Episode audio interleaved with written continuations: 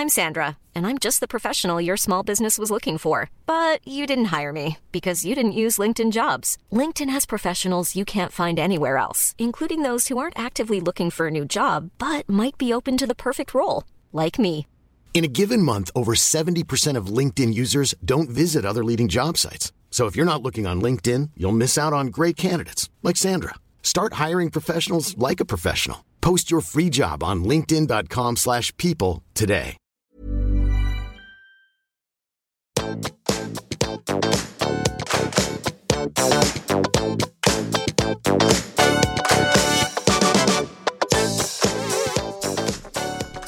Erik, er du på linja? Jeg er på linja. Du, så utrolig hyggelig at du har satt av tid denne kvelden for å snakke litt med meg. Ja, det er jo et tema jeg brenner for, da. Du, og det er akkurat det, og hovedtemaet er jo menneskeverd, og det skal vi komme litt tilbake til. Men først må vi bli litt bedre kjent med deg. Husker du hva du ville bli når du var liten? Ja, eh, da vil jeg bli ingeniør. Oi, du vil allerede Hvor liten var du da? Nei, det var eh, midt i barneskolen, egentlig.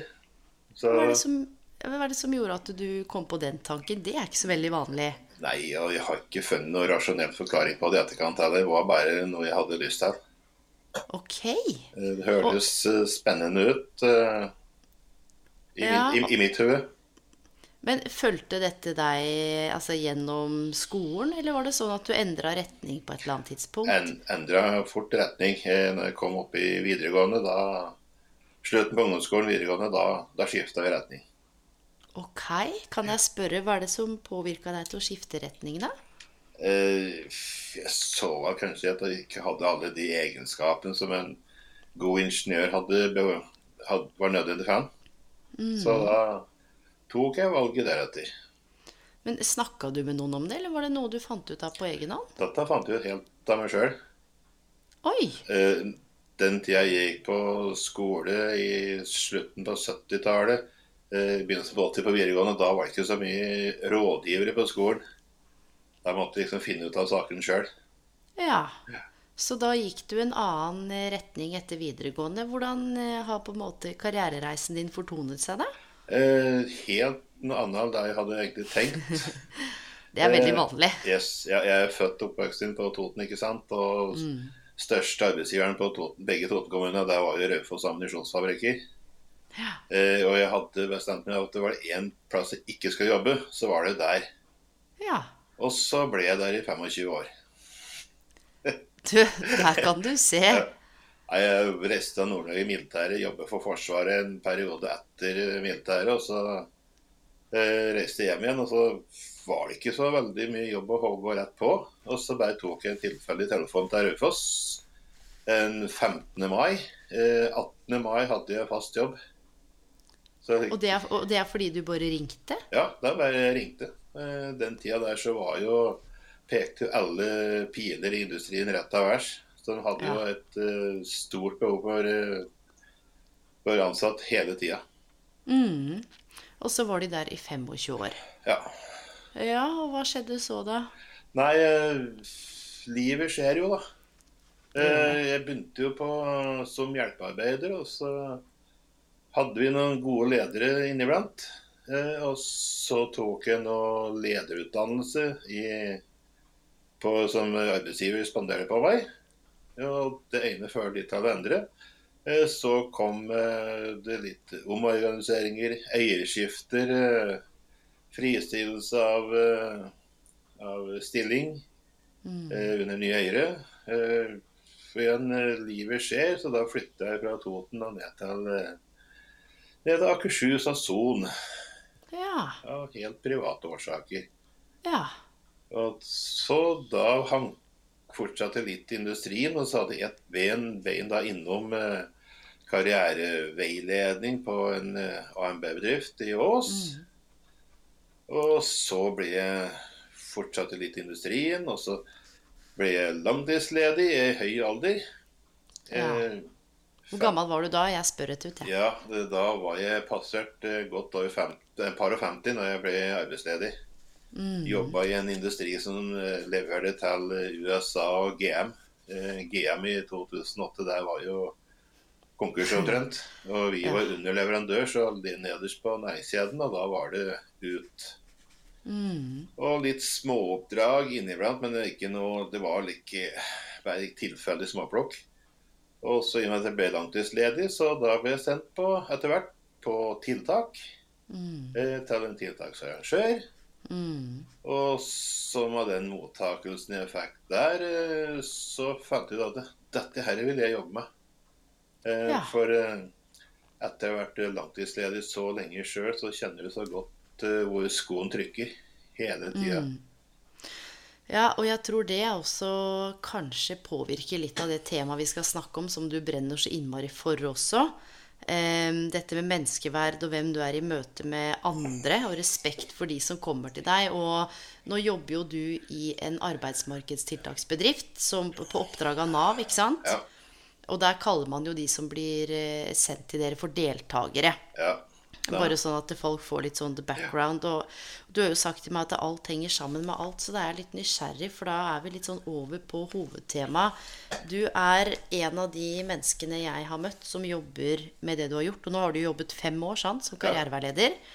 Du er en av de menneskene jeg har møtt som har det aller største hjertet. Og når du snakker om menneskeverd, så blir du rørt. Ja, jeg blir jo det, for det betyr så mye. Jeg vet hva det betyr fordi jeg kan bi for dem jeg kan bistå ut i jobb. Eh, Jeg har, ettersom jeg har vært der sjøl. Og jeg brus, forteller åpent om det til mine deltakere, at jeg har eh, vært der sjøl. Så det er liksom mye av drivkraften min for å gjøre den jobben jeg gjør. På, jeg gjør på min måte. Ja, fordi jeg tenker at det finnes jo masse spennende teori og litteratur, og det gjør det jo på i alle mulige fagfelt. Og så er det jo av og til litt det gapet mellom teori og praksis.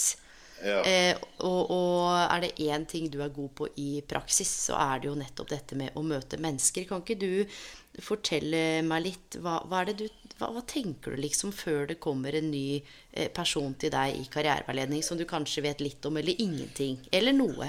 Utgangspunktet mitt er at jeg ønsker å vite så lite som mulig om eh, det vedkommende som kommer. Eh, for ikke å være forutinntatt. Alle rapporter som eh, følger med innsøka, de er jo skrevet av personer som er og farget ofte av og tolka på ulike måter. Mm. Og da kan det ofte gi et uh, skjevt bilde. Eh, er det noen medisinske utfordringer vi må ta høyde for og hensyn til, selvfølgelig gjør vi det. Men ellers så vil jeg vite minst mulig. For jeg ønsker å møte deltakeren der er den kommer inn hos meg. Mm. Og starte derifra. For uh, alle kan jo ha Alle, tenker jeg, har gjort noen uheldige valg tidligere i livet som har fått noen konsekvenser. Eh, som ikke alltid har vært like heldig. Eh, det er ikke min eh, jobb å, å dømme på det. Eh, vi kan kanskje trekke litt lærdom av det, så vi ikke går på trynet igjen av den samme årsaken. Men det er jo når vi jobber framover at vi har muligheten til å påvirke. Mm. Og så opplever jeg at når vi, deltakeren kommer til meg, så da er han en navn, en person, en som blir sett. Han er ikke et saksnummer i en stor dokum dokumenthaug. Eh, og da og da ser jeg på deltakere at det der betyr mye å bli sett.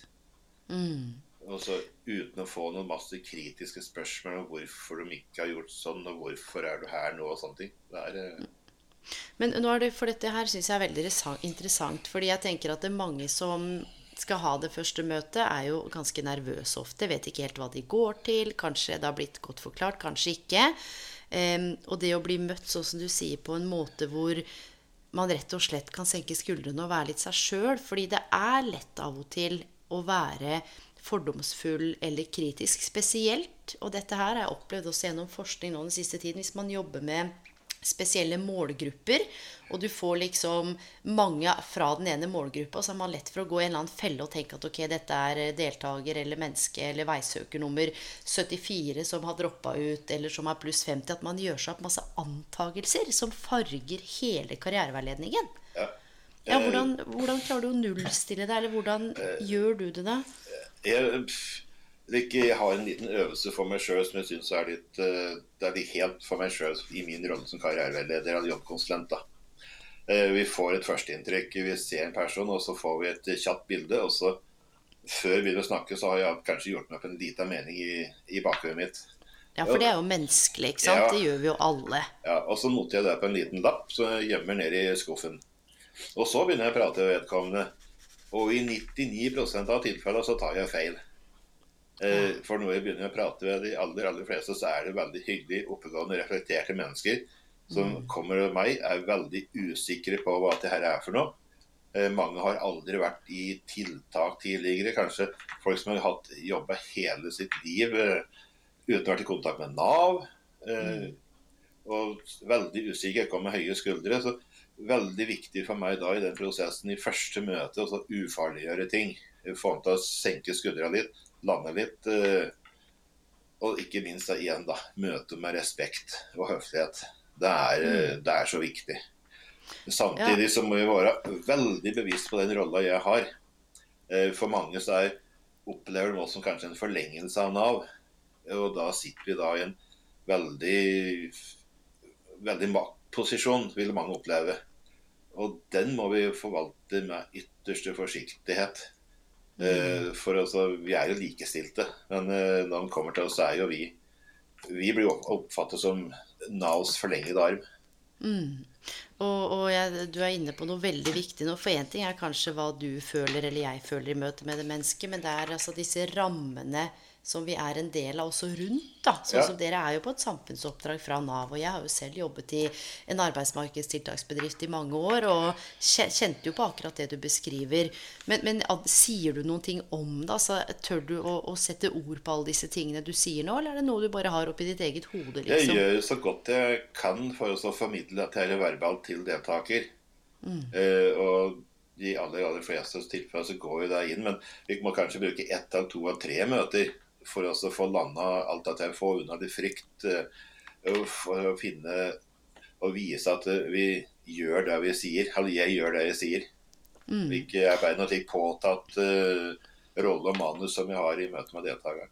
For det blir fort altså- avslørt. Ja, og så er det jo sånn at målet er utgangspunktet jobb eller kanskje og eller utdanning. Men som vi kjenner til begge to, så er det jo ikke nødvendigvis sånn at mange av de som kommer umiddelbart, er helt klare og hopper av entusiasme i stolen nettopp fordi at åh, nå skal jeg ut i jobb. Eh, I hvilken grad opplever du at, at du på en måte tilnærmer deg det aspektet, da, kanskje i alt det andre som mange har, enten fysisk eller psykisk? Vi prøver å få en god dialog, god tone ganske tidlig, prate om ting. Eh, Men alle, nesten alle som kommer til oss, er uten unntak ikke jobbklare. Hadde de vært jobbklare, så hadde de ikke kommet til oss på, på tiltak. Derfor så må vi finne ut hva som er hindrerom. Eh, og i veldig mange tilfeller så må vi rydde unna alt det andre eh, på hjemmebane som er til inne Økonomi, bolig, masse sånne praktiske ting. For før de klarer å få ha fokus på å søke jobb. Og da må vi bruke den eh, tida som er nødvendig der for å få på plass slike ting. Mm. Og ja. Sjøl om det ikke akkurat står direkte i bestillinga, så er det, vi må jo se det hele mennesket oppi alt dette. her. Ikke bare den verste biten som sitter på kontoret hos, hos meg og skal ha hjelp til å skrive CV og søknad. Det er jo mye, mye mer enn det. Ja, og jeg er så glad for at du sier det, for både karriereveiledning eller veiledning generelt, eller karriererådgivning, så er det ofte en sånn tanke Kan ikke du fortelle meg hva jeg skal gjøre, hva slags jobb skal jeg ha, hva slags utdanning skal jeg velge, hva skal jeg skrive i CV-en og søknaden? Men det er som du sier, det er bare en bitte, bitte, bitte liten del av det. Ja, det er akkurat det. Og folk har så forskjellig utgangspunkt. Eh, hvis jeg skal begynne å vurdere mennesker ut fra mitt utgangspunkt, så bommer jeg totalt hele tida. Derfor så må jeg få deltakeren igjen i en god dialog, en trygg Få deltakeren til å bli trygg eh, hos meg. Eh, og det gjør jeg bl.a. med å vise at jeg respekterer liksom aksepterer det som har skjedd, og aksepterer at den er der den er i dag. Og så må vi se litt eh, praktisk fremover på hva vi kan. Hva som er best for deltaker. Vi kan gjerne rett, fort finne en jobb som kan få fort ut av tiltaket, men det skal jo være en jobb som deltaker ønsker å stå i, som har noe verd... Det går litt på verdighet òg. Ikke bare sånn eh, kjapt ut i en jobb som betyr lite, og så bare for å få litt inntekt. Vi må se litt større på det. Ja, og det tenker jeg både på individnivå veldig viktig, men også samfunnsøkonomiske perspektiv, ikke sant? Og så er jeg litt nysgjerrig på dette, veit ikke du at jeg kommer til å spørre om, så jeg er veldig nysgjerrig på svaret ditt. Er du spent? Veldig.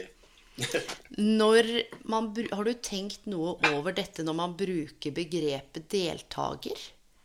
Kanskje, kanskje ikke for deg, fordi du er så innmari bevisst på den varmen og mildheten og respekten, men gjør det ikke noe med oss mennesker når Og nå snakker jeg, dette er ikke noe kritikk av deg eller kritikk av Nav eller ingenting. Jeg er bare nysgjerrig på altså, de begrepene vi bruker om de menneskene jeg er i møte med, at det kan ha noe å si. Ja, eh, når, vi, når, vi, når vi, du og jeg snakker om deltaker Jeg snakker, mm. ikke det ordet til, eh, til deltakerne jeg har hos meg. Det er alltid på fornavn og liksom Og det er kun når vi, vi i kollegien prater om det, eller når vi skal rapportere til Nav, og da bruker vi ordet deltaker. Ja, for det er sånn, det er litt sånn stammespråk, ikke sant? Ja, det er det. Men ellers er blir aldri om, omtaler aldri de som sitter på kontoret hos meg som deltaker i møtet. Nei, nei og det, og det veit jeg. Og så tenker jeg, men tror du for noen som kanskje er nye, eller som ikke er bevisst eh, forforståelsen sin og hva de bringer med seg inn, at det å definere noen som en deltaker eller en veisøker eller en kunde, at det, hvordan vi definerer de menneskene vi møter, på en måte kan være med litt på å påvirke hvordan vi møter de også? Det har jeg sett flere eksempler på. At, eh, Ja, og, de fleste, og de fleste av de eksemplene de er veldig dårlige. For Mm. For da er du litt eh, Da er du allerede veldig forutinntatt i den jobben du skal gjøre med den som du skal, som du skal hjelpe videre i livet. Mm, for, for jeg er jo skrudd sammen sånn at jeg er over snittet opptatt av det psykologiske aspektet, og liksom hva vi kaller folk, og hva er det jeg har med meg inn. Og du var jo inne på det i dette lille karriereportrettet at du bringer med deg inn det at du faktisk har stått utenfor arbeidslivet. Ja, og, og, Eh, ja. og når jeg snakker med deltakerne mine om det, da, så er det ikke for at jeg har hatt det så mye verre, og jeg har hatt det minst like vanskelig som deg, så du må ikke komme hit og klage. Men det er for en forsiktig tilnærming å fortelle at jeg vet åssen jeg har det. Eller mange av de følelsene jeg kjenner på. Skam, isolasjon, eh, dårlig råd. Det er så mye eh, tungt hjemme på familiefronten. Det er så mye som henger sammen med det å være uten jobb og inntekt. Mm. usikkerhet med framtida, uforutsigbarhet. Men når du på en måte tilnærmer deg, eller trekker ned garden litt, eller beskriver dette her, altså skjer det en endring? Opplever du det? Ja, at veldig mange, eh, gjerne eldre arbeidssøkere eh, Jeg hadde en senest i dag som jeg starta hos meg i dag. Og da også prata litt rundt det. Han er et par, et par år yngre enn meg. Og jeg fortalte litt om hvordan jeg hadde hatt det sjøl for fem, seks, sju, åtte år siden. Og da liksom Å ja! Du vet åssen jeg har det, du, sa han. Og, da- og da når vi litt inn, og da har vi lagt et eh, i huet mitt da, lagt et godt grunnlag for oss å jobbe videre. Ja, og dette her er jo ikke noe man kan lære fra en tekstbok. ikke sant? Man kan jo lese forskning på åssen det er å være arbeidsledig, eller man kan jo Skjønner du? Men det å ha kjent det på kroppen, det gir jo en helt annen kraft. Ja, du får, for du får ikke utdanne deg til den erfaringa. Det var godt sagt. ja, ja, men du får ikke det. For eh, jeg har vært eh, langtidsledig, mistet dagpenger. Jeg, sto på Nav sosial og ba om penger til så jeg hadde mat i kjøleskapet. eh, Perioder, og jeg har aldri følt meg så liten som jeg gikk ut igjen fra Nav-kontoret da. Etter å ha vrengt både sjel og bankkonto for eh, en saksbehandler som knapt nok visste hvem jeg var. Og den erfaringa, den eh, eh, Akkurat da det skjedde, så ville jeg skulle jeg gjerne vært den foruten. Men i den jobben jeg gjør nå, så er den erfaringa gull verdt. Men du Erik, du er jo kjent for å, for å strekke deg litt lenger enn det veldig mange gjør. Eh, og du hadde en historie til meg hvor det var en som var jakt, på jakt etter bolig. Ja, det var eh, Jeg skal ta det veldig litt generelt, så ikke det er noe gjenkjennbart der, da. Eh, Men det var en som hadde hatt en veldig tung og tøff oppvekst. Masse psykiatri, barnevern inne blanda. Eh, Bodde i en bolig nå som bare ga dystre og tunge minner. Eh, For å komme videre, da, så ja vel, da viste vi med å finne lete på Finn etter leiligheter og hybler. Vi reiste på visning på kveldstid i distriktet.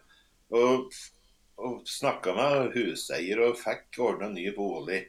Eh, hjalp å planlegge med hvordan skulle få økonomien til å henge sammen med å betale på to leiligheter i en overlappingsperiode. Og i tett samarbeid med Nav og en uh, psykolog i en kommune som uh, har hjertet utapå. Som uh, bisto så godt på alle måter. og nå vi har fått ferdig det Vi brukte, ja, vi brukte ja, tre måneder på det. Mm. Nå er vi i ferd med å begynne å tilnærme oss jobben igjen. For det hadde et ansettelsesforhold av en eller annen art uh, mm. som vi skal tilbake til. Og nå er vi godt i gang med det. For da fikk vi rydda ned alt som uh, Veldig mye, da. Som lå til hinder for oss å ha fokus på det vi skulle jobbe med. Ja, og nå tror jeg du er inne på noe viktig, fordi jeg tror mange av de som hører på, som kanskje har mista jobben, eller er permittert, eller står utenfor arbeidslivet. Det er noe med at man kan oppleve masse eh, press og krav og forventninger om at det, man må kjappe seg så innmari. Ja, liksom, ja. Og vi må, vi må, forte oss, og du må fort ut i jobb og penger og Men av og til så er det noe med å liksom bare sette seg og tenke bare Fy fader, nå må jeg starte et sted. Og veldig ofte så er det sånn vi må gjøre med de vi jobber med som er på tiltak hos oss. For de sliter veldig. Både masse, masse tung og vanskelig psykiatri. Vi er ikke noe fagfolk på psykiatri, men bare med å være gode lyttere og liksom mm ha evnen til å lytte og ikke komme med ferdige løsninger til hver tid. Men at de har, det er faktisk en som har tid til å sitte en halvtime, tre kvarter og høre på hva som mm. de har på hjertet. Det er ofte òg veldig god hjelp for mm. de vi jobber med. Ja, og så veit jeg jo at det er jo mulig å koble på andre instanser. Det gjør dere jo. Ja, ja, når man kjenner at det er behov. Vi har et tett samarbeid med både lege og psykiatriteam og alt eh, det som er nødvendig. Mm.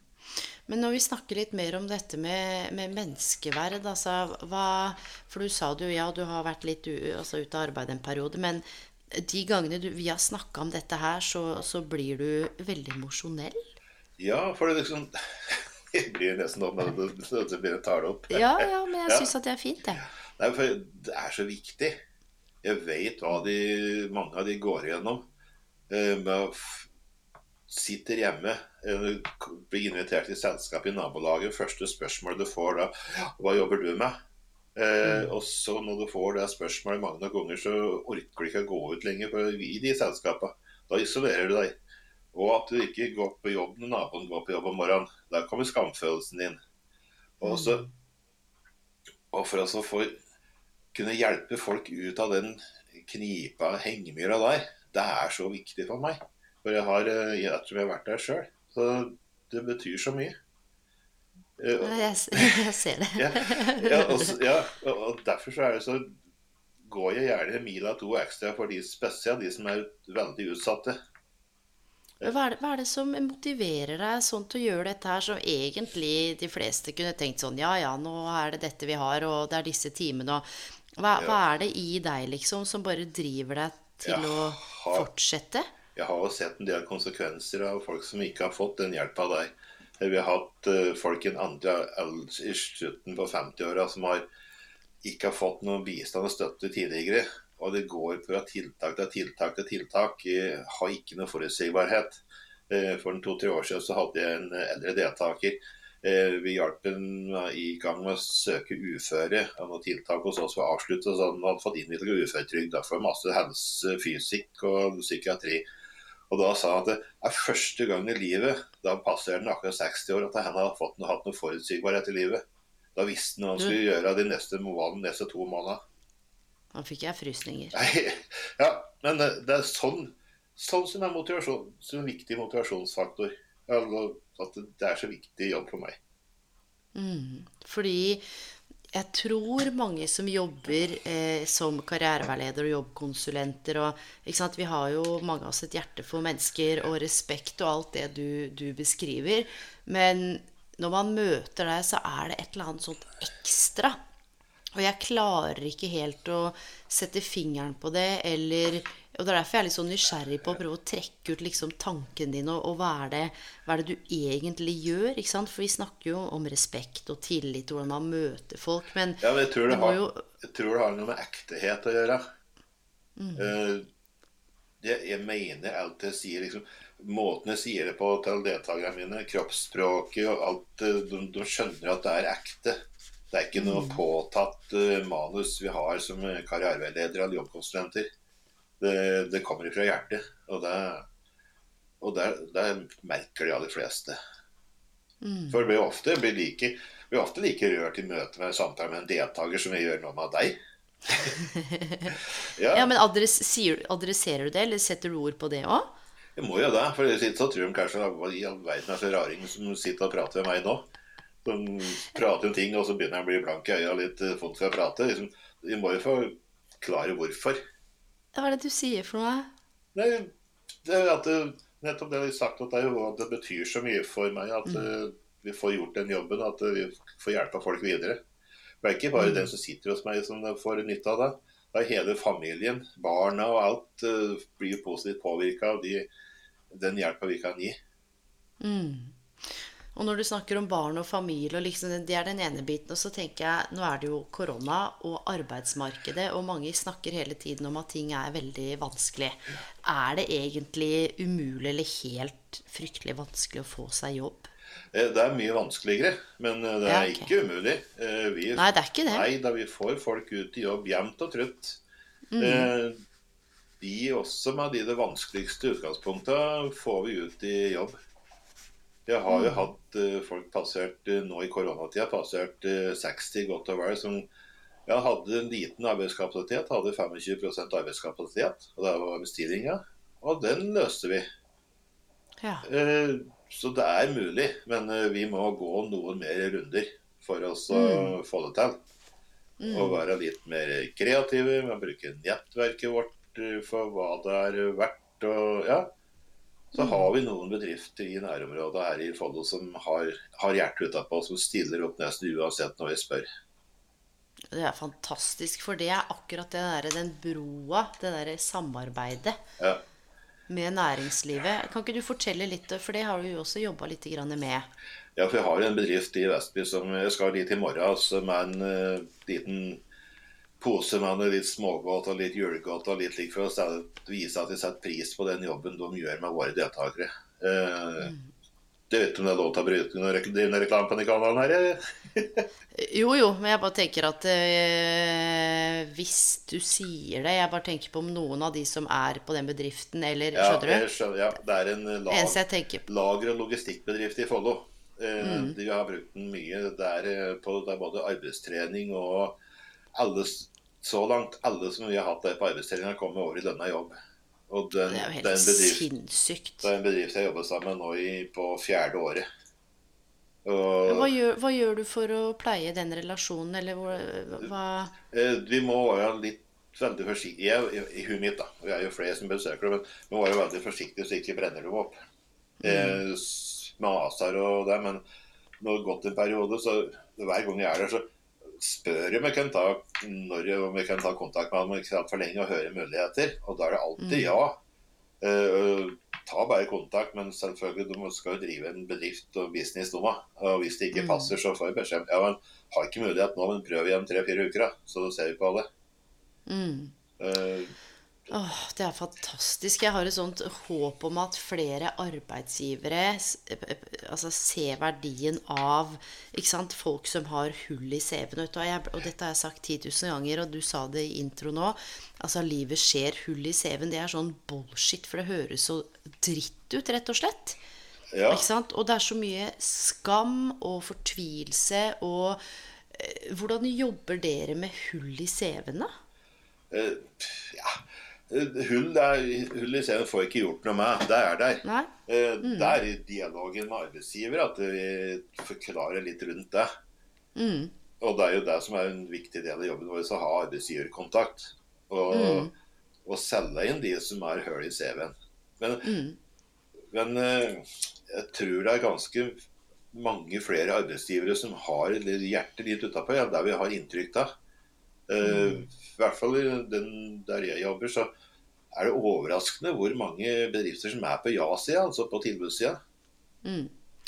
Jeg, jeg er enig, og så er jeg litt, eh, litt delt. Og jeg tror hvorfor jeg er litt delt, det, det handler litt om det bildet vi får fra medier og fra avisene, altså i hvert fall tidligere. Mens nå ser man jo spesielt med koronaen over 400 000 permitterte og som mista jobben en periode, at nå er det på en måte Det er litt det det er. Man trenger ikke skamme seg aleine, og det er ikke noe å skamme seg over. Og så tenker jeg noe av det viktigste er jo en ting er å forklare det til arbeidsgiver, sånn som du sier, men det å også jobbe med de menneskene vi er i møte med, til å kunne sette ord på det, og se litt hva er det man har lært av det hullet. Har man gjort seg noen erfaringer?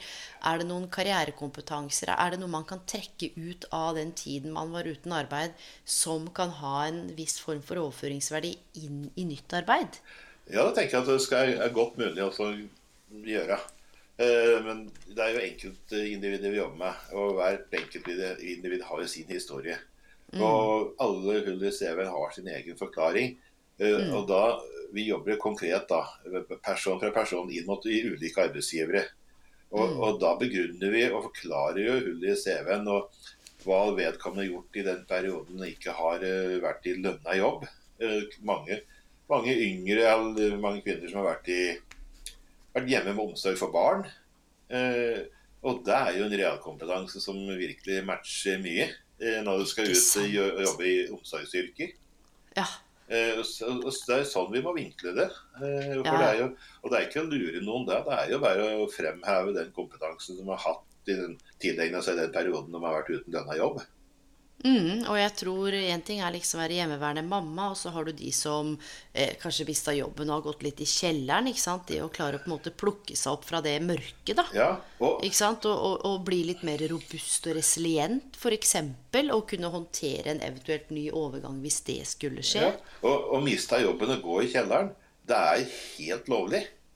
Det, ville... og det er så vanlig og så innafor. Ja, og det er liksom, hadde, Hvis du hadde vært i arbeidslivet 25 år og så mista jobben og så ikke vært i kjelleren en tur, da hadde du vært litt overmenneske, tenker jeg. Eh, og, mm. og, eh, og, det er òg en viktig del av den jobben å gi aksept for at uh, det er lov å være skuffa og lei seg en dag. Det er lov å gi tiltak som varer i seks til inntil tolv måneder, kanskje lenger hos oss. Det er lov å ha noen dager som ikke orker å tenke på jobbsøk og noe som helst. Bære, være litt ha det litt dårlig en dag, uten at noen mm. skal eh, være på deg for det. Mm. For selv om vi har jobb eller ikke jobb, så har vi alle noen dårlige dager inniblant. Definitivt. Og jeg, jeg, har så tro på å normalisere dette med hull i CV-en, og normalisere dette med utbrenthet og, og ulike psykiske utfordringer eller lidelser, eller fysiske skavanker. Yeah. At det, livet skjer alle, og dette er sagt 10 000 ganger, også arbeidsgivere og bemanningsbyråer og de som rekrutterer. Det sitter jo ikke sånne supermennesker der heller. Det er jo helt vanlige mennesker. Ja, men det er akkurat i den rolla som når vi er jobbsøkere og vi sitter der står der med lua i handa, da tror vi mm. at alle rundt oss er supermennesker og vellykka og aldri hatt noe særlig motgang i livet. Da er det kun mm. meg sjøl som virkelig sliter, og alle andre, er, eh, andre lykkes. Mm. Og der igjen, da Eh, være med oss og bygge dem opp og forklare at eh, vi har vært der. Alle har vi, alle har vi dårlige dager. Alle er vi i kjelleren inniblant. Mm. Ja, og jeg tror det der som du sier, aksept og det å til Kanskje ikke eh, bli boende i den kjelleren altfor lenge, men, men noen gjør det og trenger jo hjelp, og det er jo helt vanlig, det også. Men ja. det å på en måte komme opp av den kjelleren og ta heisen opp i Om ikke i toppetasjen, så i hvert fall titte litt ut av vinduet. Oppi der det er lys. Ja, få inn litt lys, og det tror jeg. ikke sant, Når man snakker om jobbkonsulent eller karriereveileder, og folk vet egentlig ikke helt hva dette er, så er jo heller ikke vi noen overmennesker. Vi er bare ekstra eh, gode på en del ting og sitter på en del kompetanse og erfaring som vedkommende ikke har. Men så sitter det andre mennesker på masse kompetanse og erfaringer som vi ikke har. Det er nettopp det. Og jeg lærer jo hver dag jeg er i møte med mine deltakere. De kan jo masse ting som jeg ikke kan. Og jeg plukker med meg litt her og litt der. Uh, som jeg kan bruke seinere. Uh, erfaringer mm. som mm. de har, og som de deler med meg. Det er jo hele tida så Ikke være verdensmester, men uh, du må være ganske ydmyk overfor de du jobber med. Men du, har du alltid vært ydmyk? Det var et vanskelig spørsmål, men ja. Jeg, jo, jeg lærte meg det på den litt harde måten, egentlig, i sin tid. Eh, jeg jobba i den tida jeg jobbet på Raufoss ammunisjonsfabrikker. Jeg jobba i verksted samme verksted i ti år. Og så tok jeg lederutdannelse og ble leder i det samme verkstedet, da lærer du å bli ydmyk. Mm. Du har gått sammen med samme gutta i så mange år, og så, så skal du begynne å være sjefen og så bestemme over det. Nå skal jeg gjøre sånn og sånn og sånn. Eh, hvis du trår litt feil da, så blir du satt rimelig fort på plass. Mm. Uh, og det er en lærdom jeg lever med og har nyter godt av i dag. Og det. Selv om jeg tar en lederjobb, så har jeg en For de deltakerne jeg jobber med, da, så har jeg en lederposisjon uh, for dem. De ser på meg som det, mange av dem. Eh, og da er det så stikke fingeren litt i jorda, da. Og, Og det var litt det du sa i stad med det maktperspektivet også, også og, og en del av de etiske kanskje dilemmaene man havner opp i, og de refleksjonene man må gjøre seg. Men det er ikke noe tvil om at det er en sånn asymmetri i relasjonen Vel- til å begynne med. veldig asymmetri i, det- i startfasen. Og det er så Og det å få nullet Ja. ut den eh, så raskt som mulig på en eh, riktig og verdig måte. Du skal liksom, Ja, det- liksom, det er fort gjort å kanskje bli litt flåsete og litt tullete liksom, for å gjøre, gjøre ting litt uh, kult og artig, men du bærer du, fleste tilfeller bommer du grovt på den måten. Du må være, Men- være seg sjøl. Men du, da skal jeg spørre deg om en annen ting. Har du alltid på en måte Jeg bare spør, jeg, så Ja. velger du hva du vil. Du veit ikke hva jeg skal spørre om det der. Har du alltid på en måte kjent deg trygg i deg sjøl? Altså i rollen din, liksom? Å nei. Nei, på ingen måte. Eh, Som eh, karriereveileder og jobbkonsulent, det er først nå de par siste åra at jeg virkelig har fått eh, kjenne den, den tryggheten med den jobben jeg gjør. Mm. Liksom, ja, jeg opplever det i form av at jeg ofte er rådgiver for mange av mine kollegaer. Liksom, for en del av kollegaer. Kommer inn og spør. eh, trenger litt tips og råd. Eh, og det har kanskje litt sammenheng med at jeg har hatt evnen til å tilegne meg litt lærdom og kunnskap i de tidligere åra jeg jobbet som karriereleder. Jeg gjør jo det fortsatt. Misforstå meg rett, da. Jeg er ikke, Mm, jeg, jeg er ikke utlært. Nei, men så er du også og veldig lyttende. Men jeg tror i og med at du er såpass ydmyk og respektfull, og, og du er jo ikke den som roper høyest, så er det også en sånn form for anerkjennelse, eller eh, det at noen faktisk kommer også og spør om råd. At Ja. man har muligheten til å bidra inn i, i kollegialet. Og jeg tror veldig mange som er i forskjellige jobber, føler seg litt sånn ikke fake, men føler liksom hva, hva faen gjør jeg her? Altså det første ett eller to åra sånn før man ordentlig får dreisen på det. Men det er jæskla vanskelig å fortelle til noen. Ja, eh, jeg fikk litt eh, Fikk prøvd det for en del år tilbake i forrige arbeidsgiver. Eh, Jeg vet ikke hva som skjedde, men jeg hadde tidlig i kar- i jobbfasekarrieren der Fikk veldig raskt gode resultater. Eh, Så skulle det være en intern fagdag, og så skulle jeg si litt om hvorfor jeg gikk sånn og sånn. Og da var liksom overskrifta på det foredraget av innledningen 'Hvordan føles med underdog i en kompetansebedrift'. Og det sa, jeg tenker jeg, det sier veldig mye om hvordan jeg følte meg i denne bransjen her de første åra. Der kom jeg med realkompetanse. Jeg hadde kanskje jeg hadde lederskole i regi av BI, men det var, all, det var noe gammel handelsskole. Det var all formelle kompetansen jeg hadde. Og så skulle jeg komme altså, masse blant uh, master- og bachelorfolk og så fortelle hvorfor jeg lykkes så godt. Det var litt en litt uh, tøff seanse. Men uh, og, det, ja, men, og du har jo vært inne på noe av hvorfor du lykkes så godt også. Ja, men ja, da visste jeg ikke det, for da, liksom, da var jeg så utrygg på meg sjøl i den rolla jeg hadde. Eh, da, Men er, er, er, er ikke det fascinerende da, å være For du er jo snart 60. jeg har passert. Du har passert 60, og liksom Uansett om man er 18 eller 35 eller 47 eller 52 eller passert 60, så kjenner man fortsatt ofte på en del av de samme følelsene. Altså utrygghet eller altså, ikke Ja, sant? At utrygghet. Vi mennesker er, ja, vi er ikke noe annerledes. Nei, utrygghet og ydmykhet eh, for eh, folk rundt deg som du jobber med og sammen med. Mm. for det er så Vi omgås så mye fantastisk og dyktige og flotte folk hele dagen. Både som kollegaer og som eh, de som jeg har eh, på kontoret mitt som jeg skal hjelpe. Mm, og jeg personlig skal faktisk gi en shout-out til Nav, fordi jeg har jo samarbeida tett med Nav i mange, mange år. Uh, og jeg må jo, Nav får jo mye rart i avisene, og jeg må jo si at de menneskene som jeg har truffet på som jobber i Nav, som sitter som saksbehandler eller som sitter som deler av ledelsen, har jeg ikke noe annet enn positive ord å si om. Og det kan jeg skrive ned på sjøl.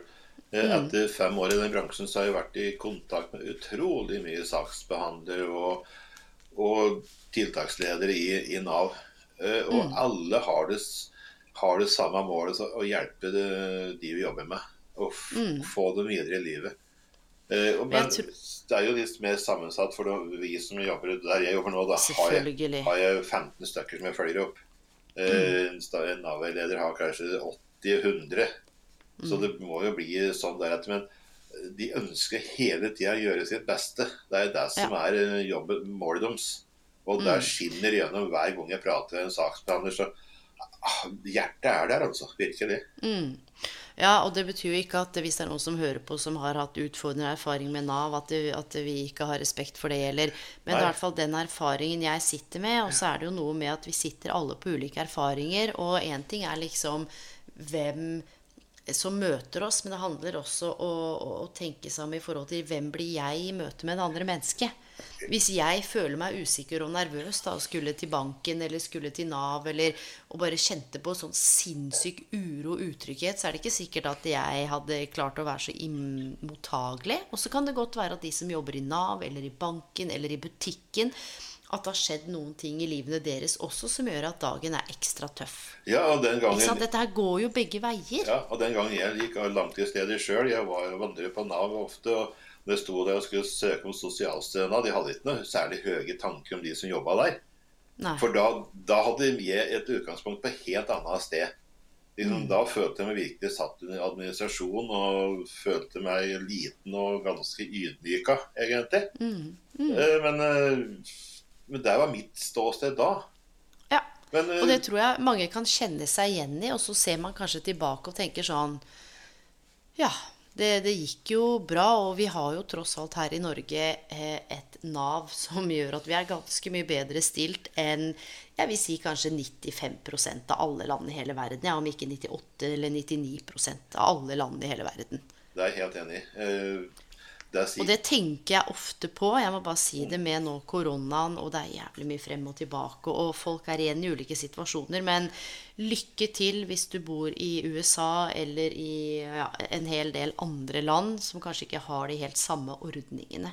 Det er liksom når du er så heldig at du bor her i Norge, da, så har du sikkerhetsnettet. I Ja. I de aller, aller, aller 99,9% av tilfellene så har du bihjelp til å få tak over huet. Du har Ja. hjelp til å få mat på bordet, du har hjelp til å få klær på kroppen. Du dekker basisbehova. Ja, og det, betyr ikke at, at, det skal være, at det er lett for det. ikke sant? Nei, Og jeg og du, vi har jo møtt eh, flere tusen mennesker som virkelig eh, ja, har stått utenfor lenge, og som knapt har nåla i veggen, og som kjenner seg igjen i, i det som ikke er så godt å høre om også, eller som gjør vondt å høre om. Så igjen, man har hele spekteret, men jeg er også veldig opptatt av, spesielt i møte med mennesker, eh, litt avhengig av hvem det er og kontekst og ramme, så hva er det du bringer inn i det møtet? Hvordan kan du gjøre det møtet litt mer ok, eller eh, fins det noe annen innfallsvinkel du kan ta med inn, f.eks. i det møtet, da? Ja, igjen liksom, respekten for den du snakker med, da. Ja, Det er- uansett, der, tenker jeg. Der, der ligger bånd for alt jeg jobber med, når, jeg får, når jeg prater med folk. Det er respekten Mm. for den som jeg sitter på andre sida av bordet av meg. Mm. Det må ligge i bånn. Men du Erik, Ja. har du til de som lytter, og det er jo alt mellom 18 og 70 år, og det er store deler av Norden, og det er til og med en del i utlandet. eh, hva er på en måte dine beste karrieretips eller karriereråd til de som nå kanskje står utenfor eller står mellom jobber? Å ja, der var jeg heller ikke forberedt på det spørsmålet. Ja, jeg vet det. Eh, For først, det, det er håp. Alle har mulighet til å komme Mm. i mål. Eh, Bare når vi kommer så langt at vi innser at vi trenger litt hjelp og bistand for Mm. å komme dit og spørre etter den hjelpa, da er mye gjort. Men hvor, hvor, ikke sant? Å få spørre til hjelp, og dette her hadde jeg lyst til å snakke med deg om. Og nå visste jeg ikke at du skulle svare det, men veldig ofte så sier man jo det er bare å spørre om hjelp. Men jeg tror mange syns det er så vanskelig fordi man veit ikke helt hva man skal spørre om hjelp til. Nei. Eh, som, eh, som jobbsøker, da, eh, og du har Mm. gått langtidsledig, så har du en kontaktperson på Nav. Eh, det er jo vel eh, Før jeg, når jeg gikk langtidsledig sjøl, så viste jeg heller ikke at det fantes tiltaksbedrifter. Eh, og der tenker jeg at eh, Nav eh, har en jobb å gjøre å informere sine jobbsøkere om muligheter eh, for å få bistand og hjelp. Og jeg regner med at det har skjedd en del på den fronten siden jeg, siden jeg var der sjøl. For ellers er det Hvis du ikke veit hva du skal be om, så da spør du ikke om noe etter noe heller. Nei, og det er det, for det har jeg opplevd noen ganger. ikke sant? Altså, For mange mange år siden så husker jeg liksom var, eh, var observerte i et klasserom, det var liksom karriereveiledningskurs. Og så sier på en måte de to som hadde kurset Ja, ja, bare si fra dere hvis det er noe dere lurer på. Ja. Og så, tenk, og så tenker jeg sånn Hvis jeg hadde sittet her nå og vært usikker, og så veit jeg egentlig ikke hva jeg lurer på, men jeg veit at jeg trenger en endring, så veit jeg ikke om jeg hadde rukket opp hånda. Ikke sant? Så det er noe med det, og liksom som du sa, det å spørre om hjelp. At man trenger ikke nødvendigvis vite helt konkret hva man trenger hjelp til, men det å kunne si at vet du hva, jeg føler at jeg trenger en eller annen endring, men jeg veit ikke hva det er. Ja, jeg, jeg Eh, står fast. Jeg er litt stuck nå. eh. Ja, jeg er stuck. Bare si, vet du hva, jeg veit ikke opp ned på noen ting. Jeg er helt lost. Jeg veit faktisk ikke hva jeg- skal spørre om hjelp til, men ikke sant? bare det å kunne si det til venner eller familie eller noen du kjenner på nett, eller en eller annen du er komfortabel med, som du veit du kan stole på, eller saksbehandleren din, eller Det fins jo gratis karriereveiledning på karriereveiledning.no, og det fins gratis karriereveiledning på alle de fylkesvise karrieresentrene. Det kan man finne ut av på utdanning.no, søke på fylkesvise karrieresentre. Man må ikke alltid, eller man må egentlig ikke noen gang, i hvert fall når det gjelder karriereveiledning, vite nøyaktig hva det er som eh, hvor skoen trykker. Nei, det er jo det som er en viktig del av karriereveiledningen. Altså, å tilpasse den skoen og liksom finne ut eh, hvor den trykker. og Ta tak i det helt enkle. Eh, og gjøre det så enkelt som mulig. Eh, Ja.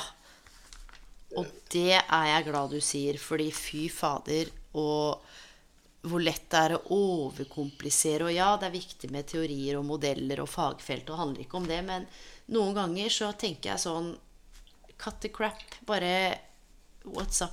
Altså, Ja, skjønner I du? stedet for å gå gjennom alle Back to basic. Ja, i stedet for så Ja, nå skal vi gjennom alle de forskjellige modellene med karriereverktøy.no og alle de der som Vi skal ikke alltid det der bestandig. Noen ganger så vet eh, vi finner vi ganske fort ut hvilken retning vi skal gå. Så gjør vi det der, da. Da, da banker vi på døra til den bedriften. Og sier hei, Mm. Ja, og- hei, jeg kommer her, og vi har liksom å få etablert en kontakt av deg. I Mm. stedet for oss å gå gjennom masse fine skjemaer og dataprogrammer og alt. eh, Det Jeg er, enig. ja.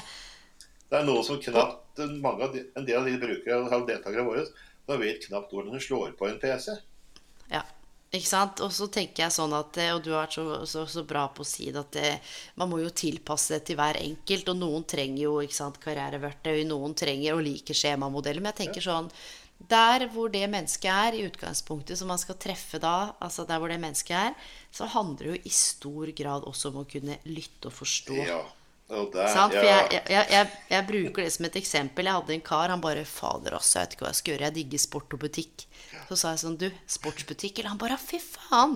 Vet du hva, verre enn det var det ikke. Men, men det er jo ikke alle tilfellene. ikke sant? Det er mye mer komplekst og sammensatt. Men at man kan starte på en måte i det litt ufarlige og enkle, og så heller på en måte utvide til det litt mer komplekse etter hvert, da. Ja, men så er det ofte mange av deltakere og jobbsøkere De har gjort seg opp noen tanker, men de har ingen å prate med om.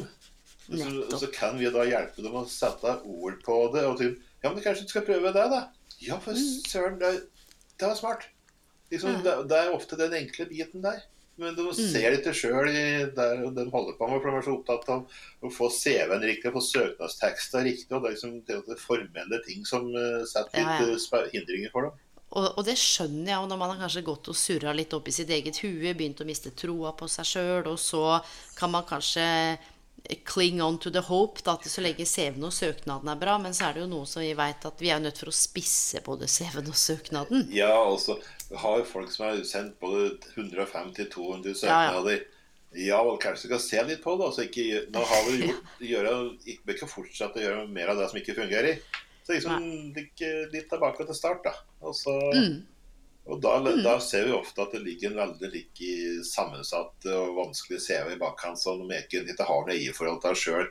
Kanskje har fått Ja. en ferdigsydd en som når arbeidsgiver spør hva de mener med det som står i CV-en, så skjønner vi ikke hva det snakkes om egentlig. Nei, og det skal være vårt neste tips. Akkurat det du sa der. Og jeg vet at eh, med fare for å tråkke noen på tærne, og det er jeg livredd for egentlig, men så står jeg litt for det jeg mener òg. Det å kjøpe en ferdigsydd CV-pakke hvor du ikke har gjort en dritt sjøl, hvor du bare har pøst på en informasjon, og noen har bare pynta på et eller annet dokument som du skal bruke inn i en prosess, hvor du skal sette ord på hva det vil si å være driftig, hvor du skal forklare eh, kanskje et språk som ikke er ditt eget. Ja. Det syns med en gang. Altså, da må man, man, man i så fall sørge for å virkelig gå gjennom og luke ut og sette sitt preg på det, sånn at du kan se på den CV-en og søknaden og si at 'dette er meg'. Ja, for Akkurat da jeg begynte den jobben her for fem år siden, så hadde jeg en kollega i Ski som ja, først de liksom sa når de pratet med Ja, de må ha eierforhold til prosessen sin og eierforhold til CV-en sin. Søren, hva er det prater om? Jeg tenkte liksom, Men eh, det kommer ganske fort, da. At eh, Ja. yes, jeg skjønner hva han mener. Det hjelper ikke å ha en fin CV hvis du vet hva det bestyr. Skal, Nei, og der, og der er jeg litt sånn hvis noen trenger hjelp med CV, kan ikke du bare hjelpe meg å skrive CV? Kjenner jeg sånn, nei, du skal få lov til å skrive den, men det jeg kan gjøre, er at jeg kan stille deg de gode, åpne spørsmålene, og så kan vi snakke sammen. Og så, eh, det er klart, er de kjempe Er det utfordrende med data, eller det er et eller annet i forhold til språk, så kan det godt være at jeg er med og skriver, men jeg ville aldri på en måte skrevet et ferdig dokument for noen som de på en måte ikke hadde innsikt i. Nei, det Og er så bare vær så god, gå ut og søk jobb. Ja, tenk deg hvis noen spør deg. Vi har jo et eksempel på akkurat det du sa, hvor det var en som hadde brukt nettopp det å være driftig. Og fikk spørsmål om det på intervju, og blei bare helt blank. Fordi hva betyr det, liksom? I lys av det vedkommende hadde gjort. Og da var det sånn Ja. Ja. Ja. Ok. Eierskap. ja. Eh, Og Enda det kan være jævlig vanskelig å sette seg i gang og skrive CV og søknad, men det kan man jo selvfølgelig få hjelp Ja, til. ja, å skrive CV det er vanskelig. Jeg syns det sjøl. Ja. Etter fem år så syns jeg det er fortsatt like vanskelig å skrive en god CV. Mm. Eh, Jeg har eh, gjort om CV-en flere ganger i løpet av de siste fem åra. Jeg har hatt det følere ute, men jeg syns det er like vanskelig hver gang. Ja, ja. Og, du, det, og dette er jo interessant òg, fordi jeg også har jo eh, måttet eh, brøsje opp CV-en min i forhold til en del samarbeidspartnere, for jeg er eh, faglærer eller foreleser et sted, og dette skal sendes til England og godkjennes, og da var det sånn Konverter CV-en til engelsk og fatter'n engelsk, så det er greit å jeg å tenke Herregud, så lenge siden jeg egentlig har tatt i min egen CV. Men det er jo en fordel, da. Så, så dette med å Du trenger ikke vite hva du trenger hjelp til. Bare ta kontakt med noen og si at man er lost, eller at du kanskje kjenner at en endring er i emninga. Og nummer to er å sørge for at man på en eller annen måte er delaktig i prosessen. Ja. Ved å kanskje utforme disse dokumentene. Og stiller du masse åpne, gode spørsmål, så får du alltid tak i en del ledetråder og så nøste opp i. Og er da er, det, da er du i gang. Og der liker jeg når det kommer så jobbsøkere som ikke aner hva de har lyst til å jobbe med. De vet ikke hva jeg skal bli når jeg blir stor. Eh, Da, Ja, hva, si, hva gjør du da? da må vi starte litt på scratch, da. Liksom, noen ganger hvis det sitter som passer til, så ja, hvis du fikk plukke på øverste hylle, hva ønsker jeg å jobbe med da? Ja, da kjenner kanskje noen like Noen er jo veldig like rasjonelle og fornuftige, da, ja, da, men så noen tar litt helt av, da. Gjerne litt yngre. Til, ja, jeg vil bli liksom, ja, doktorgrad innen det, og liksom Ja, så, så tar jeg det på alvor, da. Ja, Nett. liksom, Der sa du det. ja vel, da kanskje du skal finne ut da, hva må du gjøre for å komme deg dit. Og så begynner vi å nøste opp. Og så, sa du det. ja, Der sa du det. Å bli tatt på alvor, uansett hvor sinnssyke eller crazy vi kanskje tenker at det er, ja, men det er ikke opp til oss, jeg det er ikke opp til oss, deg og meg, å avgjøre hvor sinnssyk og crazy den i denne tanken er. Nei, hvem er jeg til å fortelle noen at de ikke kan bli YouTube-stjerner, eller at de ikke kan ta en doktorgrad i jeg vet ikke, jeg, tremasse? Altså, skjønner du? Ja. Da handler det nettopp om akkurat det du sa, utforske. Ja. Og være litt nysgjerrig. Igjen, ta det på alvor. Og så kanskje vi finner ut da, etter si at å shit, dette er på grensa til rakettforskning, det er ikke noe for meg. Ja, men, men Mm. hva er alternativet, da? Hva er det som er beslekta? Hva kan vi spinne videre på? Da har Mm. vi fått et utgangspunkt.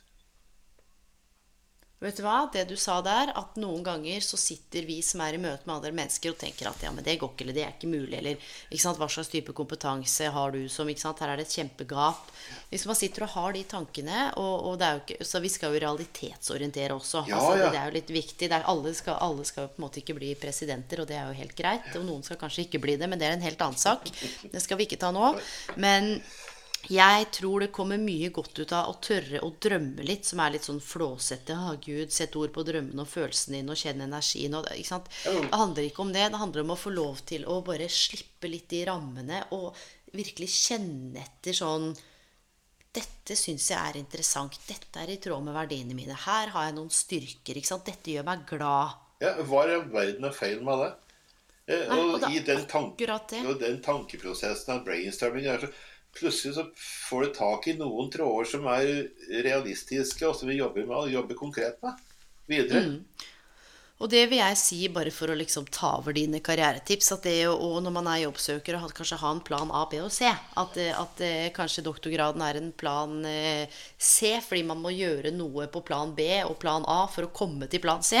At man må jo kanskje starte på en, en bachelor eller en master, eller kanskje ta opp noen poeng fra skolen, og så se på tidsaspektet, ikke sant? Ja, men få det konkretisert, og få det ned på blokka. og Altså, helt konkret. Ja, men da må jeg ha to år til da, på den skolen der. Få fylt opp med poeng i den utdannelsen der. Ja, så, ja da liksom Det er ikke how to eat an elephant, da. Jo, bit by bit. Liksom. Bit by bit. Ja. Der kom engelsken. Ja, ikke sant? Yeah. Ja, men, Ja, ja, men jeg men- mener det. Eh, For, Jeg vet det.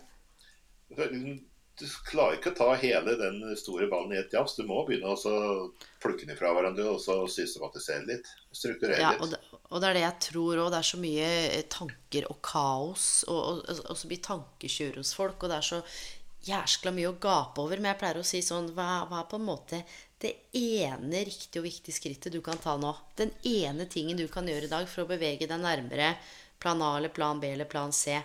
Det? Vi tenker så mye, og vi tenker så stort, og det å ta karrierevalg kan jo være komplekst, og det kan være enkelt. Ja, og så er det en veldig viktig avgjørelse for uh, livet framover hva slags karrierevalg vi tar. Definitivt. Ja, Det påvirker jo resten av livet vårt ofte. Åh, Erik, du vet at vi har snakka i snart en time, og du som pleier å si at du egentlig ikke snakker så mye, du lytter mest. Ja, det er faktisk sant. Det står for det. Eh, Det er Ja. de skyld at jeg eh, ramler utpå her. Ja, men du, den, den glattisen du ramla ut på, jeg syns du klarer deg veldig bra. Jeg, jeg tenker at du skal få lov til å avslutte med altså, Er det noen andre karrieretips, eller er det noe du har på hjertet som du liksom kjenner at eh, ah, Er det én ting du har lyst til å si til de som lytter, eller til ah, Er det bare et eller annet du kjenner bare Dette her må ut? Uh, Det er det helt sikkert eh, Og tråden er selvfølgelig menneskeverd, da. Ja, det er akkurat det. Eh, Det er godt at jeg kan redigeres litt i etterkant. Ja. Jeg kommer ikke til å redigere ut det du sa der, altså. Det må være med. Takk. Nei, men igjen eh, fra en karriereveileder jobbkonsulentens side, da. Vær ekte, vær ærlig. Respekt for eh, den du møter. Det er, det er det altoverveiende for meg. Viktige for meg. Å se personen. Eh, Ikke henge seg for mye opp i historie om det som har skjedd. Eh, Det er sikkert en god, noen jobbsøkere som hører på, og da er det Det er håp, det er muligheter, uansett hvor eh, svart og hullete CV-en din ser ut. Så det er, det er muligheter for alle. Ja, og det fins Og det, du sa det så at det fins også sykt masse bra arbeidsgivere der ute. Det Ja. gjelder å finne dem. Ja, og da, da er det greit å få litt bistand for å finne de. Eh, og er du på Nav, spør saksbehandler om hjelp eh, til å komme i kontakt med innen ulike leverandører innen tiltaksbransjen. Da. Det er jo mange Det er jo katalog å velge i der. Men der har jeg opplevd at Nav har blitt mye flinkere de siste åra til å informere sine, sine folk. Men ellers har jeg ikke noe sånn veldig like, superfornuftig å bli med på slutten. Ikke, da. Men jeg syns dette her har vært eh, veldig fornuftig og veldig nedpå. Dette her er veldig lite høytsvevende. Ja, og da er det litt meg, da. Jeg er litt uh, nedpå. Jeg er litt, uh, litt jordnær. Uh, det er sånn jeg er skrudd sammen. Jeg får ikke blitt den av den jeg er. Men tror du at det er fordi du kommer fra Toten? Det kan nok ha litt å si. Ah, fantastisk, Erik. Tusen, tusen takk for at du tok deg tid til å være gjest. Hvor, um, hvor er det jeg kan finne ut av mer om deg, da? Er. Er du på Instagram, LinkedIn? Er du liksom Ja, da er jeg på Instagram og LinkedIn. Instagram da er jeg veldig lite. Jeg, jeg er Ja. en generasjon, to generasjoner for gammelt, og så freser rundt på LinkedIn. Det er på Instagram, da. Men du er på LinkedIn? Jeg er på LinkedIn, ja. LinkedIn og Facebook. Er jo E- der. Under Erik Lishagen. Ja, jeg finner meg der. Du, fantastisk, eh, Erik. Igjen, tusen, tusen takk for at du tok deg tid til å være med. Jeg håper denne episoden her eh, Ja, bare setter noen spor, sånn som du gjør. Tusen takk for at jeg fikk lov til å være med. Sett veldig, Bare hyggelig. Sett veldig pris på det. Fantastisk. Vi snakkes, Erik. Det gjør vi. Ha det.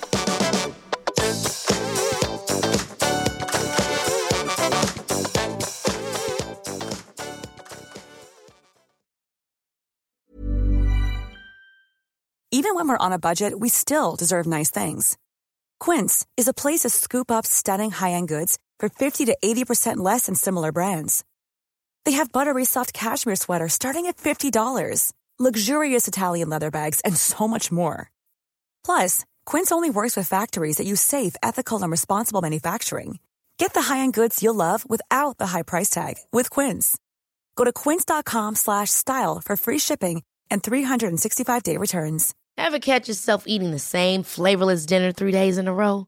Dreaming of something better? Well, HelloFresh is your guilt-free dream come true, baby. It's me, Kiki Palmer. Let's wake up those taste buds with hot, juicy pecan-crusted chicken or garlic butter shrimp scampi. Mm. Hello Fresh. Stop dreaming of all the delicious possibilities and dig in at HelloFresh.com. Let's get this dinner party started.